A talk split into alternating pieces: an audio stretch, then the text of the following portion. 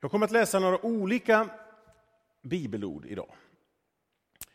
Eh, ett steg närmare nöden. Jag vill börja med psalm 22. Psalm 22, vers 2-3. Min Gud, min Gud, varför har du övergivit mig? Jag ropar förtvivlat, men du är långt borta. Min Gud, jag ropar om dagen, men du svarar inte. Jag ropar om natten, men finner ingen ro. Jag tror det är många av oss som kan känna igen oss i den bönen. Min Gud, varför har du övergivit mig? Eller, min Gud, varför har du övergivit världen? Så kan man ju känna i den här tiden. När människa efter människa dör. Det är så lätt att tänka på det. Covid-19, eller coronaviruset, det är ju ett mantra som, som trycker in i oss.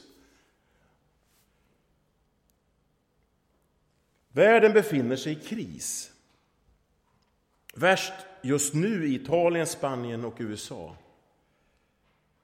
Och vi är många här hemma som följer utvecklingen i Sverige på presskonferens efter presskonferens. Vi läser nyheterna på nätet flera gånger varje dag för att uppdatera sig. Vad har hänt? Hur är det nu? Det finns en, en inbyggd oro på något sätt i oss. Och det finns en, en djup oro i vårt land. Det är, det är nödläge. Och vår statsminister säger gång på gång nu, det är allvar nu. Med sin bastanta stämma. Det är allvar nu, kom igen, fatta det. Om vi skulle ha en gudstjänst här idag var ju inte helt självklart. Det är inte helt givet. Vi kommer ju under den här gränsen 50 personer, det gör vi ju. Men ändå ska man ta ett moraliskt ansvar att försöka undvika folksamlingar och, och så vidare. Va? Ehm. Men vi tror ändå att det är viktigt att fira gudstjänst. Och hur vi gör det framöver får vi ju se. Men bön och tillbedjan till Gud behöver vi. Och vårt land tror jag behöver det också. Vi behöver lyfta upp vårt land till Gud. Lyfta upp vår värld till Gud i orostid. För vi befinner oss i ett nödläge, men vi vet inte riktigt vart det tar vägen. Det finns en oro. Ja, på ett sätt det vi vet, det kommer bli värre. Det är ju det man säger. Och det gör ju ont. Och ibland kan det krypa närmare in på också. Hur blir det med mig? Hur blir det med min familj? Hur blir det med mina anhöriga? Mina föräldrar i Västerås, som jag kan känna, som är i riskzonen. Det är som en storm drar över oss. Vart är Gud då i denna storm när nöden tränger sig på? Nöden kan ju också dyka upp på andra sätt för oss. Nöden har ju olika ansikten. Slår du upp nöd i en ordbok får, du följande betydelse. Fattigdom. Att lida fattigdom, att inte ha tillräckligt, att få kämpa dag ut och dag in för att få en bit mat. Elände, ett annat ord som andas på något sätt negativism. Det finns något jobbigt i det. Eller brist, att ha brist av någonting. Armod, ett gammalt ord för ungefär samma sak. Misär, olycka. Så läser man de här orden och tänker att vi är i nöd. Och sen, sen är det det här det handlar om. Alltså, det är ju ingen rolig läsning. Nöd är något som berör oss djupt och är en jobbig situation för oss. Livet kan ibland gå sönder. Och vi får nöd för vårt liv.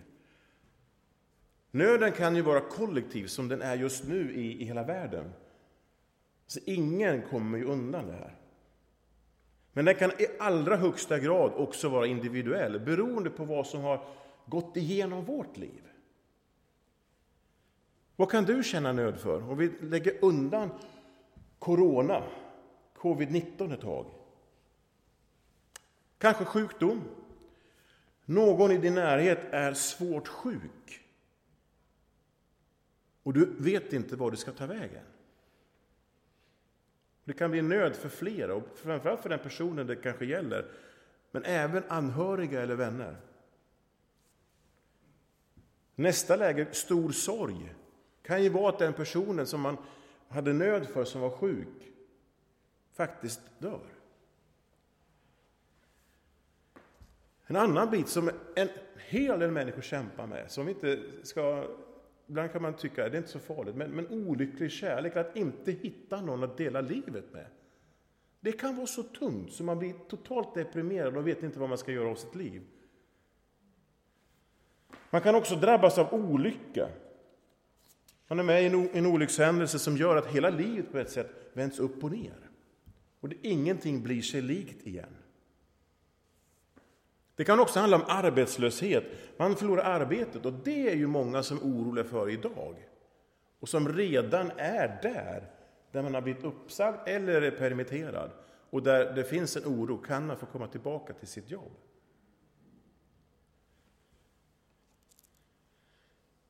Och det kan ju skapa depression hör oss, att man, man blir tung i sinnet. Det kan handla om utbrändhet också i detta, att man orkar inte mer, livet är för tungt. Och det kan skapa en psykisk ohälsa. Där livet brister och man orkar inte mer. Nöden är påtaglig. Det är ju inte bara när det gäller corona, utan det är när det gäller livet i stort, när det drabbar oss, när det är tunga saker som drabbar oss. För allting är inte alltid på en räkmacka som det bara flyter på. När nöden dyker över en så kan man få en oerhört stor oro. Den kryper in i en och man känner i ben och märg och kan bli så tungt. Det kan ta över hela vårt liv. Vi kan andas och vi lever på något sätt i oro. Vi kan sova dåligt, för oron kan tära också på vårt humör. Man blir sur och vresig. Det drabbar hela vårt liv. Jag tror oro och nöd är, är ju otroligt tydligt sammankopplade, det är nära. Och oron kan bli till en stor nöd i vårt liv. Nödens angrepp kan då vara svår att ta sig ur.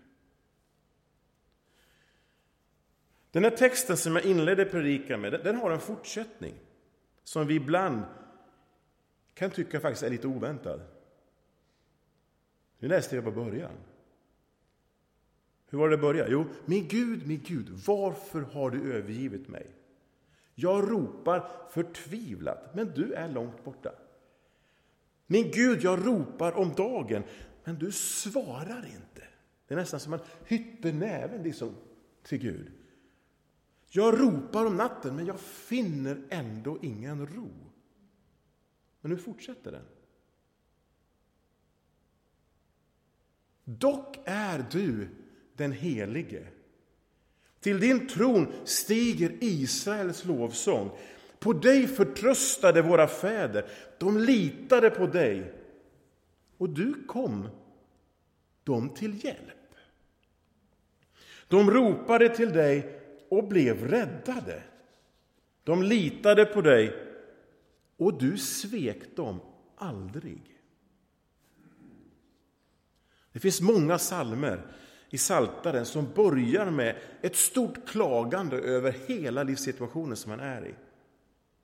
Men de vänder alltid tillbaka till en lovsång och tillbedjan till Gud. De kallas för klagosalmer. Alltså det finns ett stort mått av klagan, av oro, av ilska, av vrede, av uppgivenhet i de som ber. Och ser man på Israels historia så hade de ju ofta fått kämpa. Alltså det fanns alltid en kamp att göra rätt eller fel. Judarna vänder många gånger ryggen åt Gud. Och samtidigt drar det olycka över dem, när inte Gud liksom är deras garant, deras borg. Och Det gjorde att de ropade till Gud om och om igen. Men ibland kunde det vara totalt tyst. Och ibland kunde Gud svara, kanske lite vresigt många gånger, genom sina profeter. Omvänd er. Liksom. Men kampen och oron fanns där om och om igen. Och det är ju en tid eh, på ungefär 400 år mellan en profet, profeterna tystnar nästan.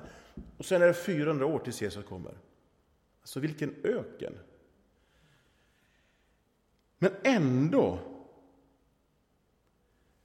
så finns det en, en, förtröstan på att Gud ändå bär genom allt. Det de gör och gjorde var att de, de vävde samman sitt eget liv med sina fäders och sina mödrars liv. De sammankopplade sin egen historia till en större historia, till Israels folks historia, till Guds historia. Och det är som att de tänker så här, om, om de som har gått före oss hyllar Gud i nöd och i motgången, varför ska inte jag göra det då? Om Gud svarade på fädernas böner, varför skulle han inte svara på våra? Jag tror det är viktigt för oss att påminna oss om vår historia när stormen sveper in på vårt liv. Har han stillat stormar förr, varför skulle han inte göra det igen? Jag tror de här psalmerna kan hjälpa oss mitt i vår oro. Den kan hjälpa oss att få tillbaka fotfästet så att det blir i alla fall lite vingligt, men att det ändå bär. Till och med kanske blir stabilt. Vi behöver sätta in vårt liv i vår kristna historia. Gud har varit med förr, även i stormen. Vi behöver en tro på att det kanske går trots allt. Vi behöver en tro på att Gud finns med i allt, även när det kanske inte alltid ser ut så. Alltså genom allt vi har i vårt liv, även oroliga tider som nu.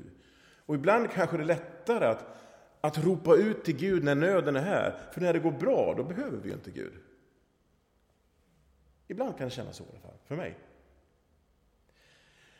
En präst i Umeå han har gjort en, en affisch, jag vet inte om man kallar det för affisch, men han har lagt ut på nätet en, en bild. Och den har återkommit gång på gång här den här veckan i Facebookflödet. Jag vet inte om ni har sett den. Det handlar om corona som nog de flesta av oss känner stor oro för just nu. Ska vi se bilden? Känner ni igen den?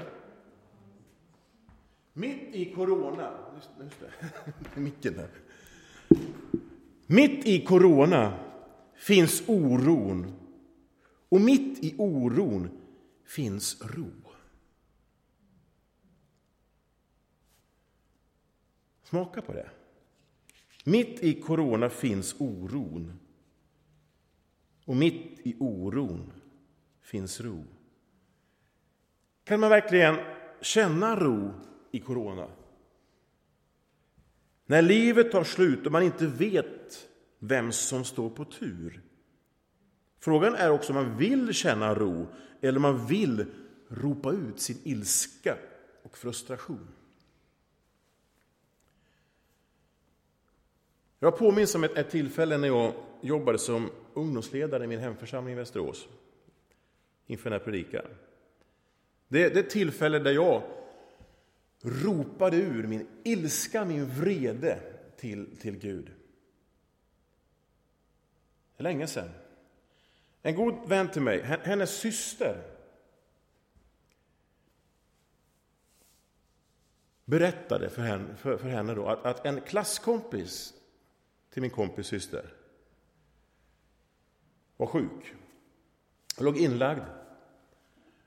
Hennes lever var kaputt. Den var dålig. Och vi vet ju att utan lever kan man inte leva. Det går ett tag. Till sist funkar det inte längre.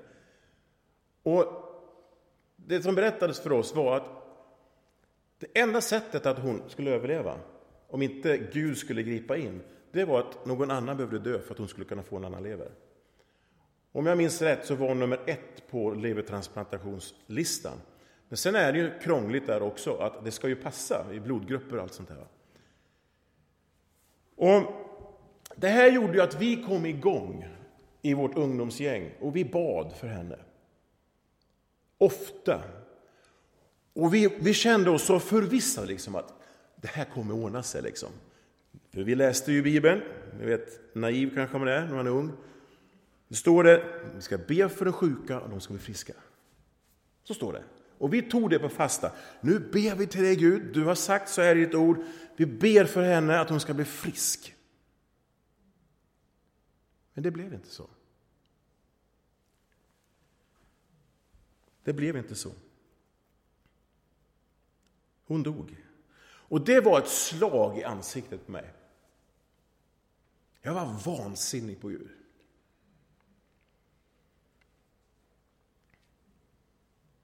Jag tog det personligt. Inte att det var jag som var drabbad, men att jag hade förlitat mig på en Gud som är med i stormen och som kan hela de sjuka. Och jag åkte ut, jag minns det så väl, jag åkte ut med min bil ut på landet och stannade bilen. Och så ropade jag, nej jag ropade inte, jag skrek. Jag skrek ut min ilska, mitt varför till Gud och skällde ut Gud fullständigt. Varför Gud? En 14-årig flicka. Du har lovat i ditt ord att om vi ber för friska, eller för de sjuka, så ska de bli friska. Min tro fick verkligen sig en knäck den dagen.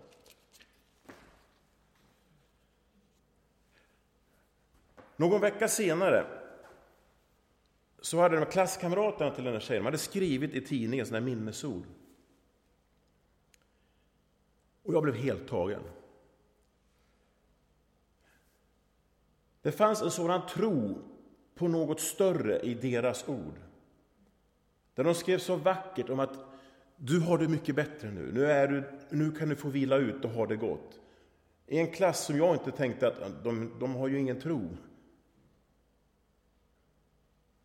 Men någon tro hade de. Och de lärde mig vad tro handlar om. Att förtrösta på Gud även när det ser mörkt ut och när det är nattsvart som det var i det läget.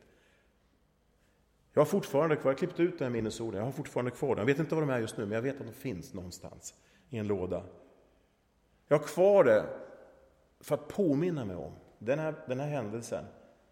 Eh, men också för att påminna mig om att Gud är trofast genom allt, ändå. Så i oron finns det ro att finna. Och Jesus uppmanar oss att komma till honom. Och det ser vi här, jag vet inte om ni ser det, men i den bibeltexten som, som finns med här, det är från Matteus 11.28. Där Jesus säger, kom till mig alla ni som är tyngda av bördor. Jag ska skänka er vila. Är det så enkelt? Att vi bara kan få komma till Gud med våra bördor och lämpa över dem. Och vad det än är, kan vi bara få lämna över oron. Och sen försvinner den oron. Ja, ja vi kan få lämna över. Det finns ro. Men hör ni, det är mitt i oron. Oron försvinner ju inte på en gång bara så. Men det finns ro i det också. Jesus vill att vi ska komma till honom och få ro.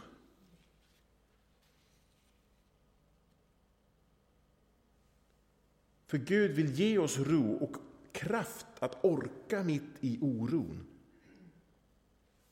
Han bär oss också när vi inte orkar själv eller sänder andra människor i vår väg som kan orka lite åt oss. Han bär oss så ron finns i oron. Oron försvinner inte, men det finns ro i oron som bär. Joel Halldorf, jag vet inte om ni känner till honom. Son till Peter Halvor, som kanske är den mer kända, men jag tror Joel börjar ta över. Eh, han är teolog och även skribent i både Dagen, men också Expressen. Och det är intressant att han får skriva där så tydligt som han gör. Han skrev här nu för två dagar sedan, där han funderade just en del om just coronaviruset, vad det gör med oss och hur vi ser och vår syn på döden och, och, och lusten och att leva på något sätt. Han uttrycker att döden är hundraprocentig. Krasst bara, rakt ut. Vi kommer alla att dö. Men jag vill läsa en, en, en del av det här som han skrev här nu. Gå gärna in och sök upp hela om du vill, eh, på Expressen. Han säger så här. Ett sätt att få perspektiv på sin egen död är att fundera på vad i livet som är viktigare för mig än att överleva. Två frågor kan hjälpa mig att se det. Vilka ideal är jag beredd att dö för? Och vilken större berättelse lever jag i? Ideal är nödvändiga för moralisk integritet, särskilt i orostider. En vän besökte en gång ett barnhem i Centralamerika och såg förfärat hur hennes väninna vågade röra vid barnen av rädsla för att de bar på någon dold sjukdom. Hon förstod inte, konstaterade min vän, att det finns saker som är värre än att dö. Den som betraktar döden som det värsta som kan hända får svårt att bevara anständigheten, i synnerhet när livet hotas. Det finns, som Astrid Lindgren skriver, saker som man måste göra även om man är rädd, för annars är man bara en liten lort. Men vad hör egentligen hit? Vilka ideal håller vi så högt, högre än livet självt? När vi identifierat dem har vi skapat en liten vall som skyddar oss när dödsångesten väller in. Den andra frågan, den om min berättelse, är svårare eftersom den utmanar vår individualism i grunden. Men det är som Karen Blixen skrivit. Du kan bära alla sorger om du förmår placera dem i en berättelse.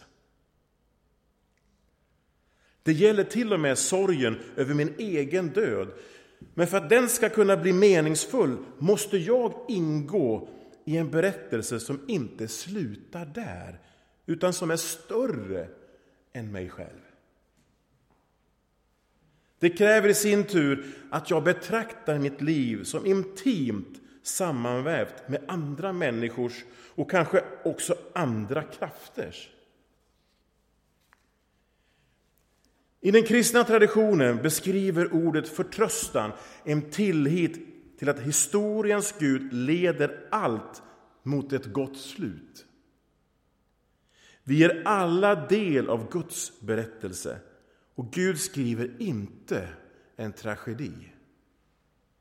Förtröstan handlar alltså inte om att just jag kommer att besparas lidande och död. Säkert inte. Utan om att ondskan inte får det sista ordet. När boken till sist stängs kommer alla tårar att torkas. Och det får han skriva i Expressen. När boken till sist stängs kommer alla tårar att torkas. Vänner, vi är med i en större berättelse. En mycket större berättelse än du kan ana. Vi är med i Guds berättelse, i hans folks berättelse som har flera tusen år bakom sig. Vårt liv är sammanflätat med Guds. Och därför behöver vi inte vara rädda. Vi kan komma till honom även fast livet är hårt och jobbigt ibland. Även fast vi lever i nöden så är det inte kört. Det är aldrig kört, för i oron finns ro. Och till Jesus får vi komma med våra bördor och vila ut. För när boken stängs kommer alla tårar att torkas. Ifrån Jesaja 41 till sist.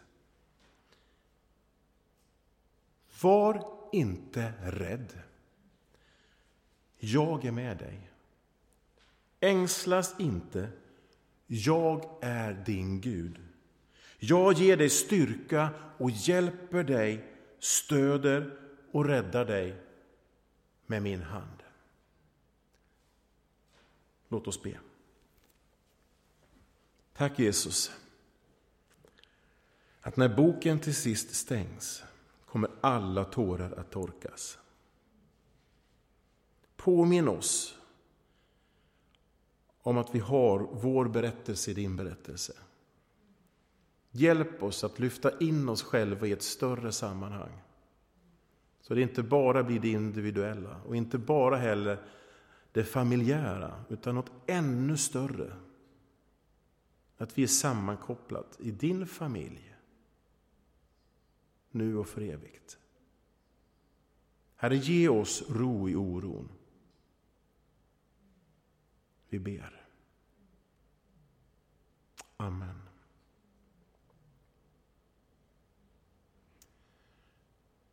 Nu ska vi få hör, lyssna på en sång med en bild samtidigt.